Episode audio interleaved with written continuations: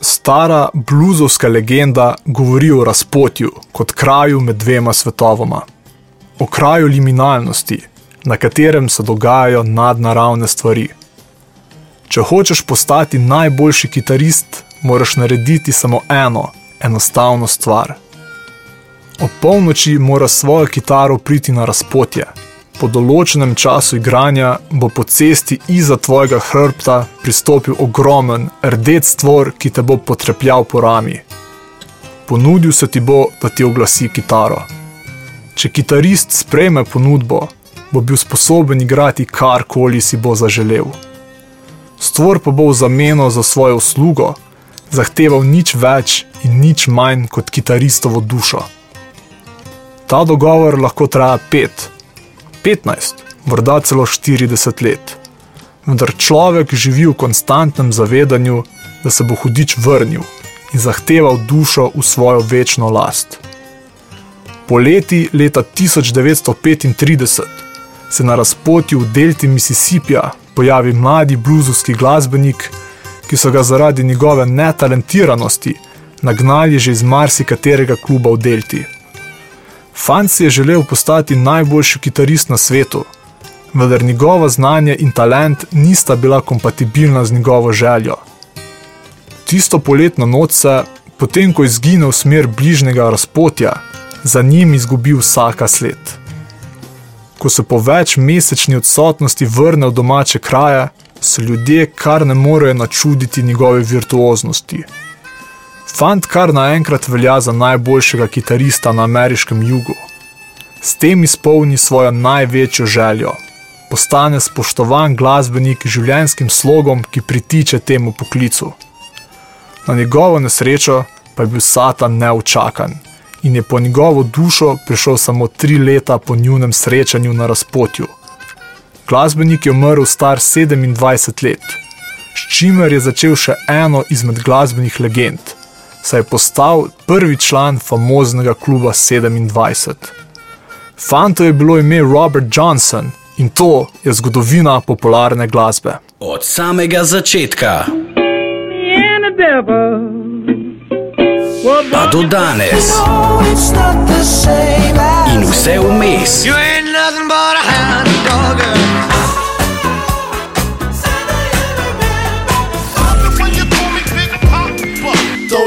hands in the air if you's a true player.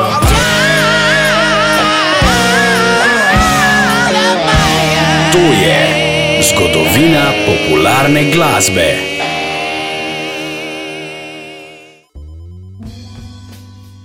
Vse dobre zgodbe imajo svoje mite in legende. Zgodba Roberta Johnsona pa velja za temeljni mit bluza ter posledično tudi celotne popularne glasbe. Kot vsi drugi žanri, se tudi blues sicer konstantno spreminja in razvija, zato ga je nemogoče popolnoma zaobjeti in definirati. Kot bomo spoznali skozi serijo oddaje Zgodovina popularne glasbe, so meje med žanri porozne, oziroma se pogosto prekrivajo. Nekateri najbolj prodorni avtori pa te žanrske meje presegajo. Kot se za vsako obravnavo popularne glasbe spodobi, bomo tudi mi začeli pri bluzu. Pri tem žanru gre v osnovi za hibrid afriških ritmov, delovskih pesmi s plantaž in cerkvenega petja, ki ga v ZDA poznajo pod imenom gospel. Ne bomo se sicer preveč spuščali v etnologijo bluza, saj nas bo ta zanimal kot popularna glasba. Zato bomo govorili predvsem o obdobju po letu 1920, ko so tehnološke inovacije, ki v svetu glasbe igrajo ključno, mnogokrat premalo izpostavljeno vlogo, omogočile snemanje zvoka. Glasbena industrija in s tem popularna glasba se tako začne z razvojem snemalnih studijev, gramofonov in radia. Blues je sicer ljudska glasba afroameričanov, ki se je začela formirati sredi 19. stoletja. V kombinaciji z razvojem snemalne tehnologije pa je postala popularna glasba. Blues je tako pomemben zato, ker predstavlja temelj vse popularne glasbe. Praktično vsa glasba, ki jo poslušamo, ima korenine v bluzu. Blues je tako začetna točka rock'n'rolla, soula ter tudi roka, ki ga v ZDA prinese bendi tako imenovane britanske invazije, na čelu katere so Beatles in Rolling Stonesi. Slednji so dejansko prvi, ki blues spravijo v mainstream, vendar gre pri tem že za določen odvod tega žanra. Če poskušamo blues razdreti na njegove najbolj osnovne komponente, ugotovimo, da gre za specifično ameriško interpretacijo afriške glasbe, ki je bil primešan gospel. Od tu blues dobi svojo mistično komponento, ki je v veliki meri povezana s specifično afroameriško religioznostjo. V svoji osnovi je blues ljudska glasba, saj izhaja iz skupnosti in je narejena za skupnost. Gre za zelo ekspresivno glasbo, ki govori o življenju temnopoltih. Pri komadih gre za prvo osebne pripovedi o težavnem življenju, o tožnosti in pogostih potovanjih, ki so povezana s slabim finančnim položajem ter konstantnim strahom pred linčanji. Tako se v pesmih pogosto pojavljajo tematike kot so ceste, razpotja in vlaki. Morda najbolj pogosta lirična značilnost je pripoved o tem, da odpotuješ in pustiš vse težave za seboj te pa te potem lovijo povsod, kamor greš. Še najbolj pa to, kar blues predstavlja, opiše sam B.B. King v komadu Why I Sing the Blues.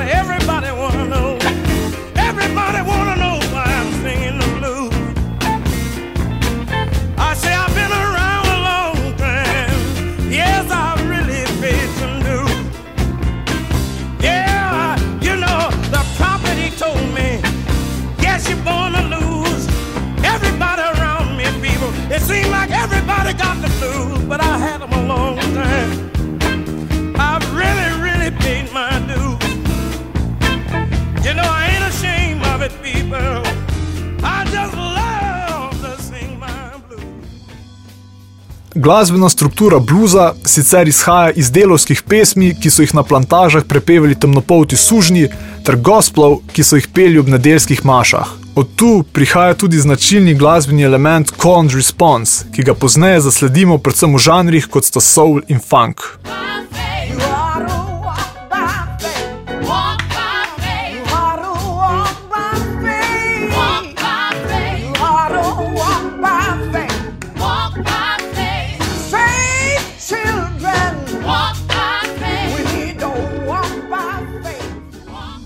Poleg uporabe pravkar slišanega call and response, pa je za blues značilna tudi 12-taktna ritmična struktura. Kljub temu, da so besedila pogosto žalostna, blues v dobesednem prevodu pomeni otožnost, pa v kontekstu 12-taktne strukture pride do izraza tudi določen element humorja, ki je prav tako zelo značilen del tega žanra. Blues pa je tudi zelo senzualen, telesen, celo seksualen. Beli puritanski populaciji ZDA se je zdel tako odvraten, da so ga poimenovali kar hudičeva glasba. O odnosih in o življenju se v bluzu poje nesentimentalno. Bela Amerika pa s svojimi idealiziranimi predstavami takrat še ni bila pripravljena na realizem v popularni glasbi.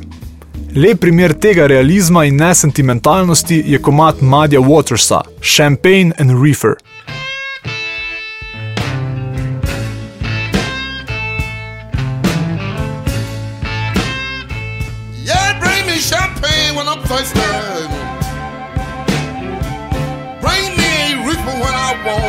I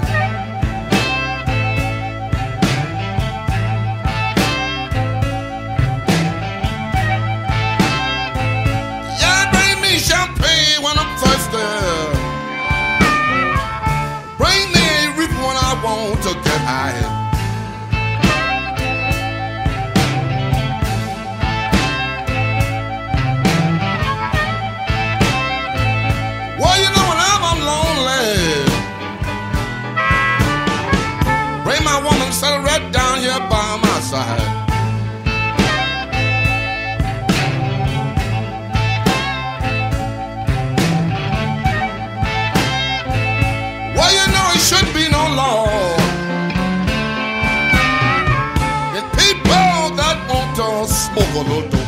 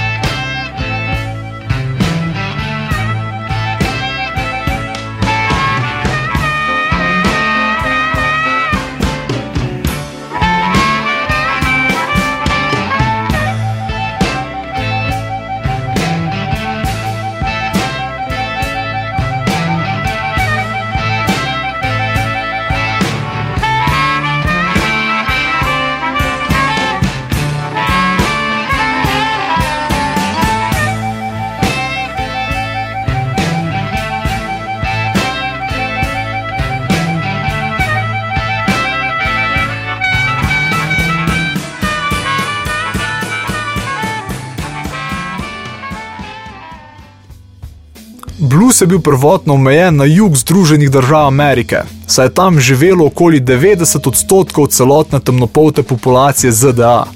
Kljub formalni odpravi suženstva po koncu državljanske vojne leta 1865 so temnopolti še vedno garali na plantažah, kjer so za mizerno plačo v nemogočih pogojih pobirali bombaž ali pa so kmetovali kot podnajemniki, prepuščeni na milost in nemilost belih veleposestnikov.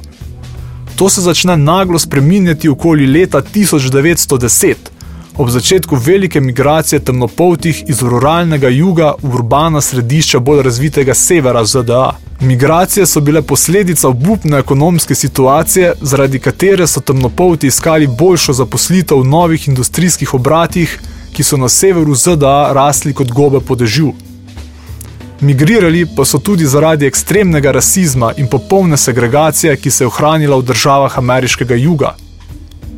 Rasizem in segregacija sta seveda obstajala tudi v večjih industrijskih mestih, vendar pa niti približno nista bila tako ekstremna kot na jugu. Tako so se temnopolti množično začeli naseljevati v mesta kot so New York, Chicago, Detroit, Cleveland in Baltimore. V tej prvi veliki migraciji, ki traja kakšnih 20 let, se na sever selijo tudi številne pevke in glasbeniki, ki so po ZDA potovali v sklopu vodvilov. ker se je glasbena industrija v začetku 20. let 20. stoletja razvila ravno v New Yorku, so prve prave bluzovske zvezde postale pevke kot so Bessie Smith, Ethel Waters in Ma Rainey. Te so nastopale v okviru vodvilov. To so bile predstave, ki so združevale komike, pevke, projekcije filmov in še mnoge druge oblike zabave. Prizorišča tako morda niso bila v skladu s tem, kar si dan danes predstavljamo pod oznako blues, vendar so te pevke še kako živele življenje, ki ga povezujemo s tem žanrom. Tematsko so njihove pesmi govorile predvsem o nesrečnih razmerjih in o tožnosti, ki je njihova posledica. To se še kako sliši v komadu Bessie Smith Nobody knows you when you're down and out.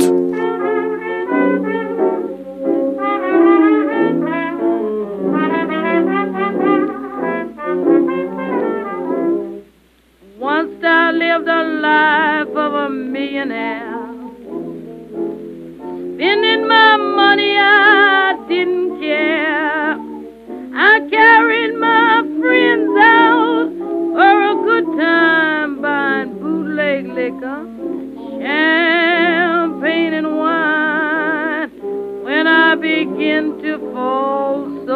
Low, I didn't have a friend and no place to go. So if I ever get my hand on a dollar again, I'm gonna hold on to it Tell them eagles grin. Nobody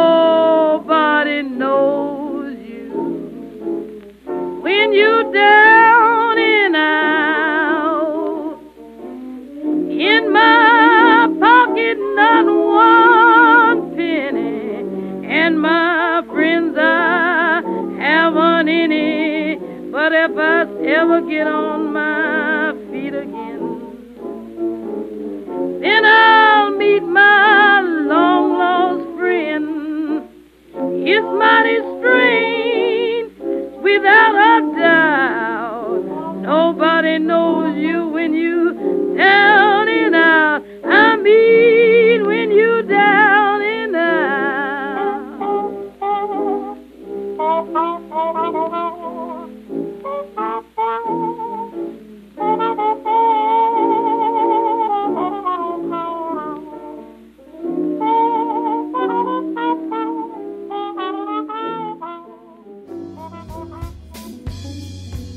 Pomembno vlogo v popularizaciji bluza igrajo založbe, ki v blues posnetkih imenovanih Race Records vidijo finančno priložnost. Žanr začnejo oglaševati in prodajati kot temnopolto glasbo namenjeno izključno temnopoltim. Vodvilske pevke so se takrat znašle v pravem času na pravem mestu, saj so bile zaradi svoje popularnosti logična izbira za snemanje prvih plošč. Popularnost teh pevk pa moramo razumeti tudi v kontekstu tistega časa. Temnopolte ženske so na svojih nastopih v veliki meri lahko izražale svoje emocije zato, ker jih belci niso dojemali kot grožnjo. Kot grožnjo pa so dojemali temnopolte moške, ki so lahko nastopili samo kot zabavljači, nekakšni klovni, ki so si morali obraz prekriti s tako imenovanim blackfaceom. Kljub temu dejstvu pa popularnost vodvilskih pevk nikakor ni bila naključna. Kot smo slišali na primeru Bessie Smith, je šlo za izjemne pevke, ki so do potankosti obvladale svoj vokal. Zavedati se moramo, da so ti posnetki nastali pred iznajdbo mikrofona, tako da so te pevke morale še bolj obvladati svoj glas, če so hotele pokazati vse nijanse svojega petja. Pri teh pevkah in bluzu nasploh nas najbolj zagrabi avtentičnost same glasbe. Ta je toliko bolj poudarjena, ker gre pri bluzu za prvo osebne pripovedi. Te pevke pa so resnično živele življenje, v katerem so prepevale.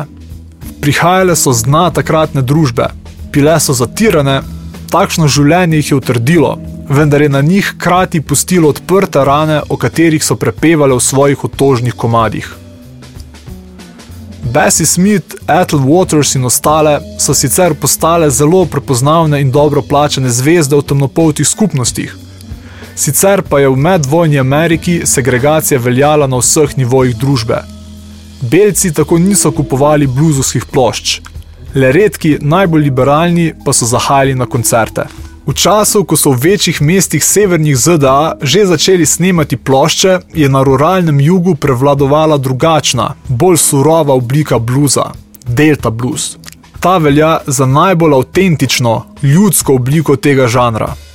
Ta vrsta bluza se kar precej razlikuje od vodvila, saj je v spredju solo glasbenik, ki igra na akustično kitaro, poje in občasno igra na orglice. Značilna pa je tudi uporaba slajdov.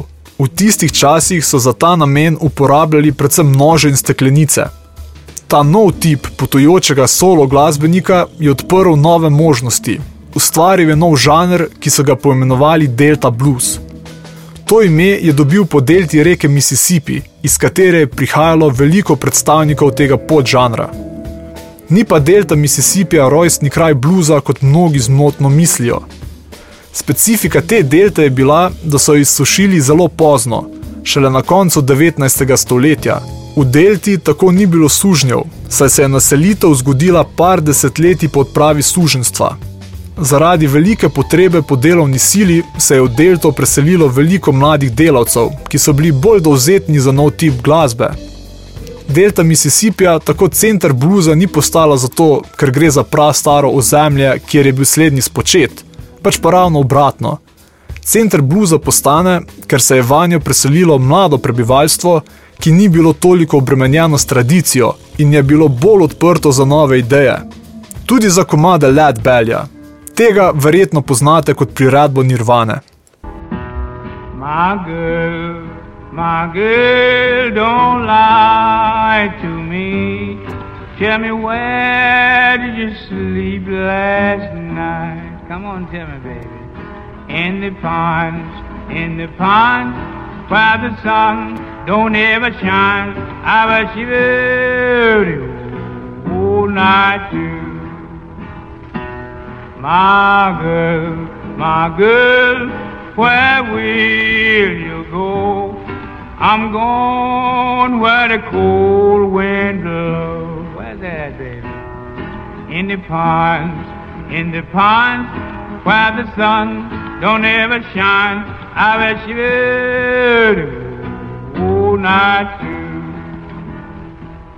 My girl, my girl, don't you lie to me. Tell me where did you sleep last night? Come on and tell me something about it. In the ponds, in the ponds, where the sun don't ever shine. I bet she will all night. Shiver for me now.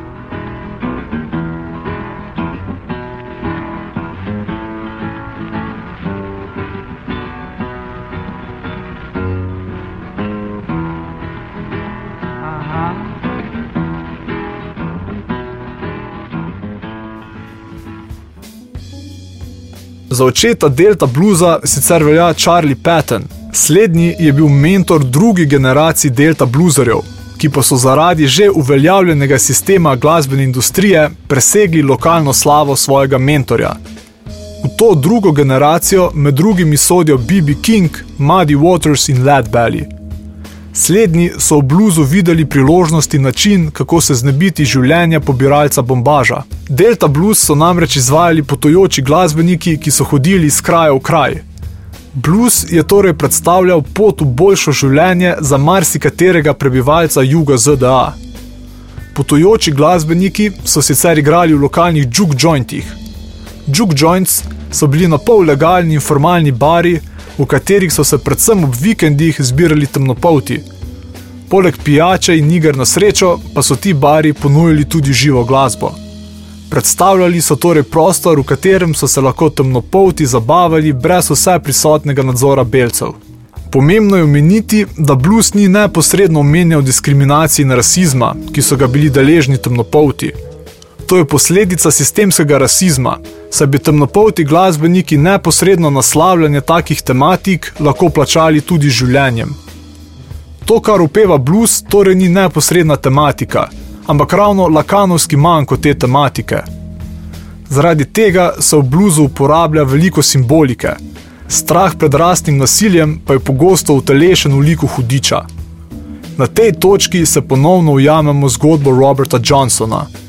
Če pustimo mitske povesti iz uvoda ob strani, je bil Johnson revolucionaren predvsem zato, ker je postavil arhetip rokovskega zvezdnika. Imel je pravi imič, njegovo življenje pa je bilo zavito v tančico skrivnosti. Bil je glasbeni fantom, ki je umrl docela neznan že pri 27 letih. Bil je kitarski virtuoz in avtor pesmi, v katere je inkorporiral različne stile glasbe, ki jih je slišal na svojih mnogih potovanjih. V življenju je posnel samo 29 pesmi. Ena izmed bolj znanih je Love in Vain.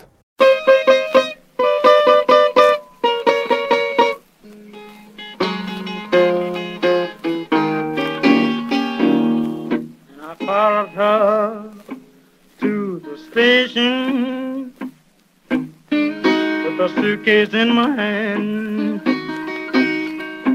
And I followed her to the station with a suitcase in my hand. Well, it's hard to tell, it's hard to tell when all your love's in vain, all my love's in vain. When the train roll up to the station, I looked her in the eye. When the train rolled up to the station, and I looked her in the eye.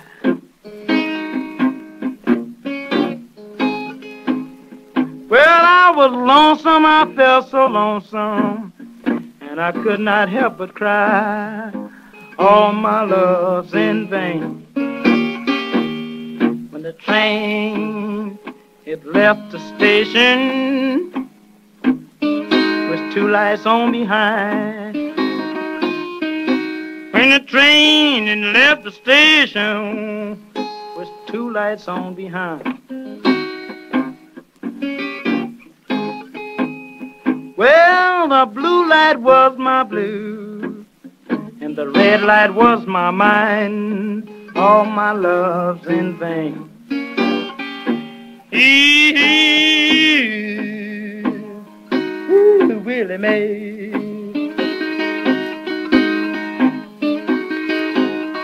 Oh. Ooh, Willie Mae.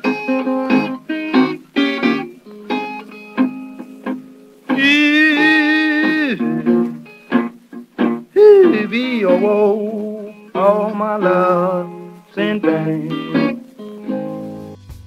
Slavo je Johnson požel šele dobrih 20 let po svoji smrti, ko so na začetku 60-ih let odkrili njegove posnetke ter ga razglasili za kralja Delta bluza.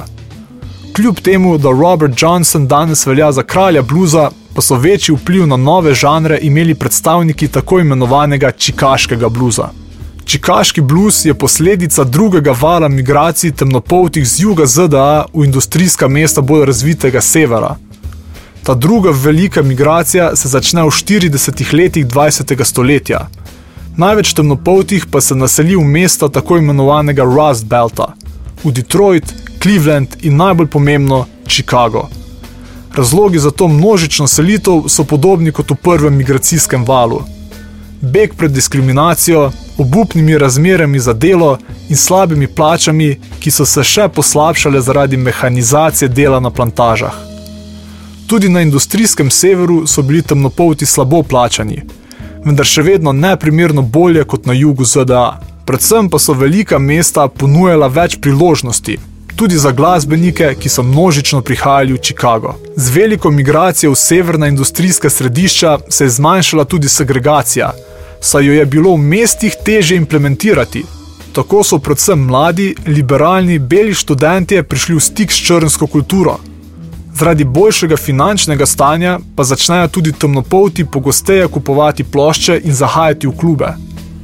V mestih kot sta Chicago in Detroit se tako prvič ustvari relativno enotna glasbena scena, saj se blues glasbeniki prvič zberejo na enem mestu. Ključno vlogo pri razvoju bluza pa igra založba, ki velja za najpomembnejšega akterja čikaške scene – Chess Records.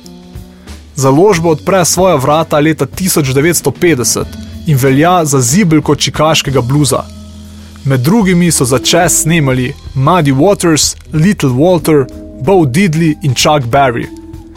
Ta scena pa je izjemno pomembna tudi v kontekstu celotne popularne glasbe, saj so te plošče inspirirale mnogo katerega glasbenika, močan vpliv pa so pustile predvsem na mladih Britancih, ki so spremenjeno obliko bluza v začetku 60-ih let skozi velika vrata vrnili v ZDA.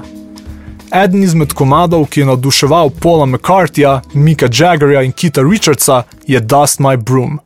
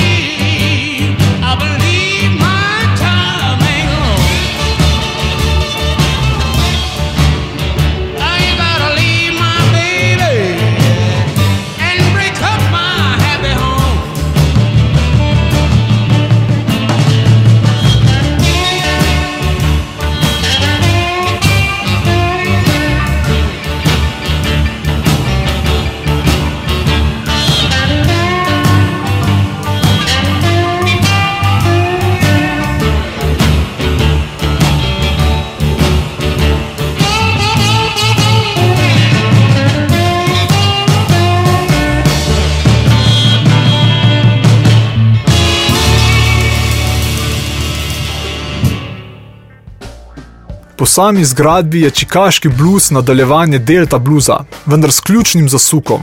V igro vstopi elektrika. Električna glasbila, ki so postala dostopna v 40 letih, tako ponudijo nove možnosti in efekte, s katerimi se blues začne razvijati. Marsikateri glasbenik sicer ni bil navdušen nad mislijo, da mora z akustičnih presedlati na električne inštrumente. Vendar so ti v polnih in izjemno glasnih klubih, v katerih so igrali glasbeniki, postali nuja. Od tu izvira tudi klasična oblika rock benda, saj Muddy Waters za potrebe nastopanja sestavi spremljevalno skupino, ki jo poleg njega samega na vokalu in solo kitari sestavljajo še ritem kitara, bas in bobni. S tem se postavi standard, ki z nekaj popravki velja še danes. Na okljub vsem prednostim, ki jih je mesto ponudilo temnopoltim, pa je bilo njihovo življenje še vedno zelo pogosto neizprosno. Ta brutalnost življenjskih razmer v getih se seveda odraža tudi v besedilih in samem tonu pesmi. Dodatno dimenzijo temu trpljenju pa ob alkoholu, rasni diskriminaciji in težavnih razmerjih doprinese težke droge, s katerimi se ta populacija sreča prvič. Na tem mestu se v popularni glasbi prvič pojavi tematika odvisnosti od drog, ki je zdaj postala že kar nekakšen standard. Ob Chicagu, ki je bil center bluzovskega dogajanja, pa do velikih premikov pride tudi v Detroitu. predvsem po zaslugi še enega glasbenika, ki je emigriral z juga ZDA. John D. Hooker je žanru dodal značilni ritmični element, ki je postal bluzovska klasika. Boom,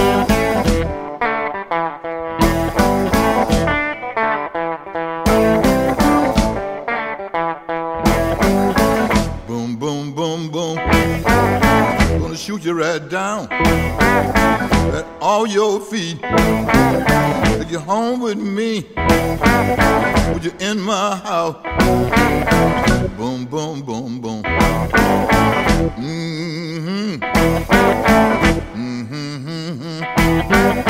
I love to see you walk up and down the floor talking to me that baby talk. I like it like that. When you talk like that, you knock me dead. That on my feet. How, how, how, how. Whoa.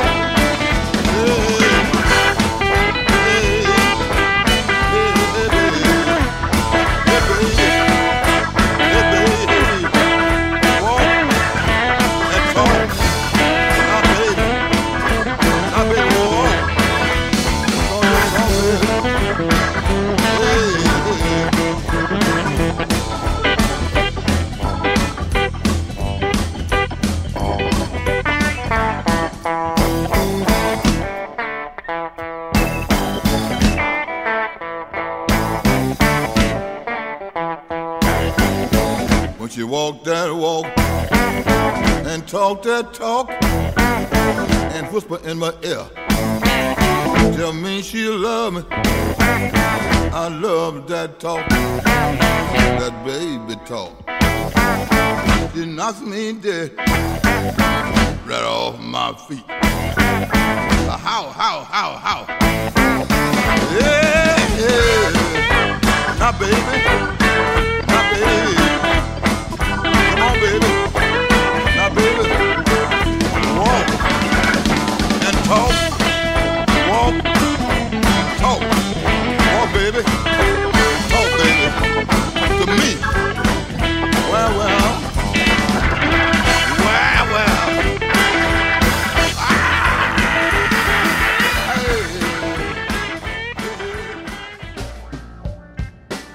Ravno elektrificirana verzija bluza je spremenila svet in navdihnila generacije. Vendar tisti, ki premika meje in odpira nova obzorja, največkrat ni nagrajen. Živi in umre v relativni anonimnosti, saj večinska populacija še ni pripravljena sprejeti novih idej. To se je zgodilo tudi z bluzom, saj ga v 50 letih presežeta rock and roll, ki ga poslušajo mladi belci, ter soul, ki ga posluša predvsem mlajša temnopolta populacija. Razlogi za to so tudi politične narave, saj se v 50 letih pojavi močno gibanje za pravice temnopoltih. Zdi se, da se pripravlja nova era in za to novo ero je potrebna tudi nova glasba, ki bo bolj pozitivna in usmerjena v prihodnost. Tako se velik del temnopolte skupnosti distancira od bluza, ki jih preveč spominja na preteklost, saj velja za glasbo sužnjev. Vseeno pa blues ohrani popularnost pri določeni skupini ljudi. Mladi beli liberalci, originalni hipsteri, ki so se zbirali predvsem na kampusih fakultet, so boj za pravice temnopoltih povezali tudi z bluzom. Tako začnejo organizirati koncerte, na katere vabijo pozabljene bluzerje, ki kar naenkrat začnejo nastopati pred večinsko belim občinstvom. Na velika vrata pa se blues vrne sredi 60-ih let. Takrat prvič vstopi v mainstream, zato pa so odgovorni predvsem Rolling Stonesi. Slednji so bili kot totalni blues fanatiki ogorčeni nad dejstvom, da blues glasbeniki v ZDA niso dosegli nikakršne prepoznavnosti. Zato zahtevajo, da kot njihova predskupina nastopajo izvajalci kot sta Howlin' Wolf in B.B. King. Na dolgi rok je ravno ta belski obrat k bluzu revolucionaren. Poskrbi za glasbeni boom, ter še bolj pomembno, za delno desegregacijo, saj preko glasbe belcem približa črnsko kulturo. Ni pa bilo vso dogajanje električnega bluza skoncentrirano v mestih Rust Belta. Sam Phillips leta 1952 v Memphisu ustanovi založbo Sun Records, v sklopu katere začne snemati plošče tistih blues glasbenikov, ki so ostali na jugu ZDA. Posname plošče z glasbeniki kot sta Ike Turner in B.B. King, vendar se kljub solidni prodaji zaveda, da ti glasbeniki v družbeni klimi, ki je v ZDA vladala v 50-ih letih, ne morejo doseči širokega kroga poslušalcev. Sam Phillips je ena izmed ključnih figur v zgodovini popularne glasbe zaradi tega, ker se je zavedal potencijala bluza, vendar je še kako poznal tudi njegove tržne omejitve.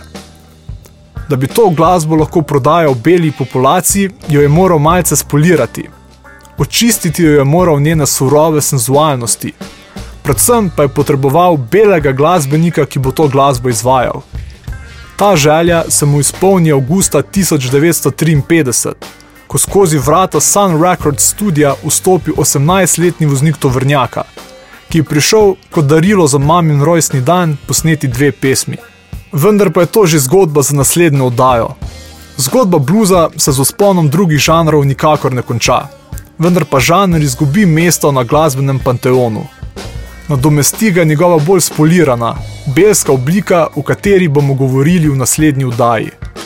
Kljub temu, da blues v svoji pristni obliki nikoli ni dosegel statusa, ki si ga zasluži, pa igra ključno vlogo v popularni glasbi vse do danes. Njegove vplive med drugim slišimo v glasbi Rolling Stonesov, Jimmyja Hendrixa, Tracy Chapman, White Stripesov ter v neštetih samplih hip-hop komadov. Za vse tiste, ki bi se radi poglobili v blues, pa ne veste, kje začeti, smo na spletni strani Radia Ether pripravili playlisto, ki vam bo omogočila pogled v glasbo glavnih akterjev tega žanra. Z vami sem bil Gregor, spremljajte nas na Instagramu, za več podobne vsebine obiščite spletno stran Radia Ether, od vas pa se poslavljam z besedami Bobja Rusha. I say that because blues is the root of all music. Blues and gospel is the root of all music. If you don't like the blues, you probably don't like your mama.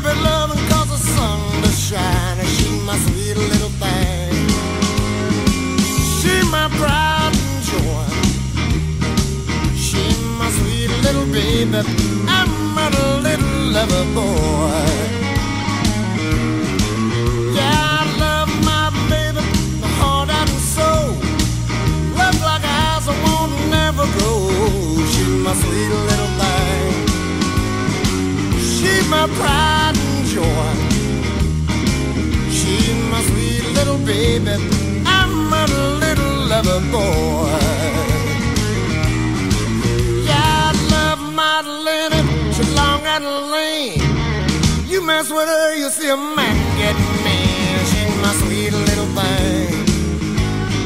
She my pride and joy. She my sweet little baby. I'm a little lover boy.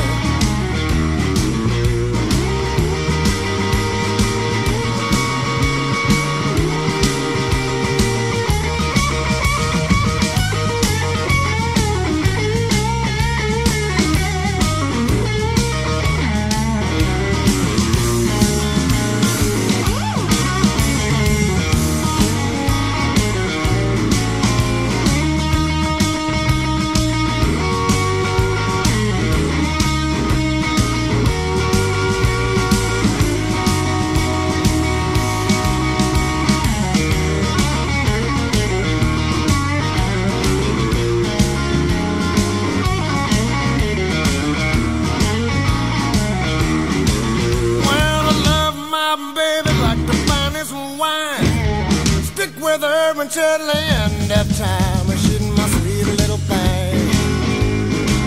She's my pride and joy. She's my sweet little baby. I'm a little lover boy.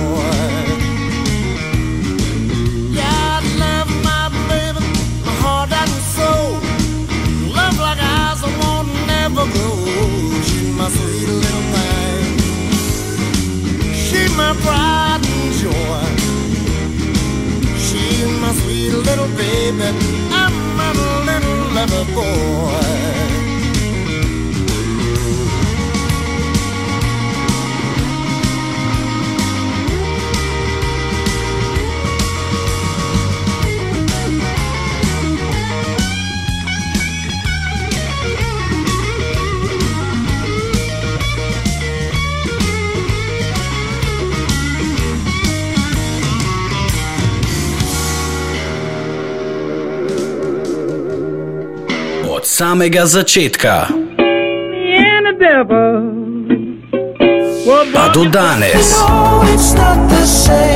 in vse vmes. You ain't nothing but a hound dog.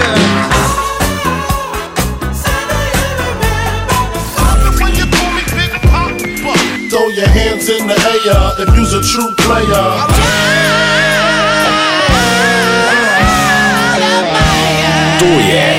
Zgodovina popularne glasbe.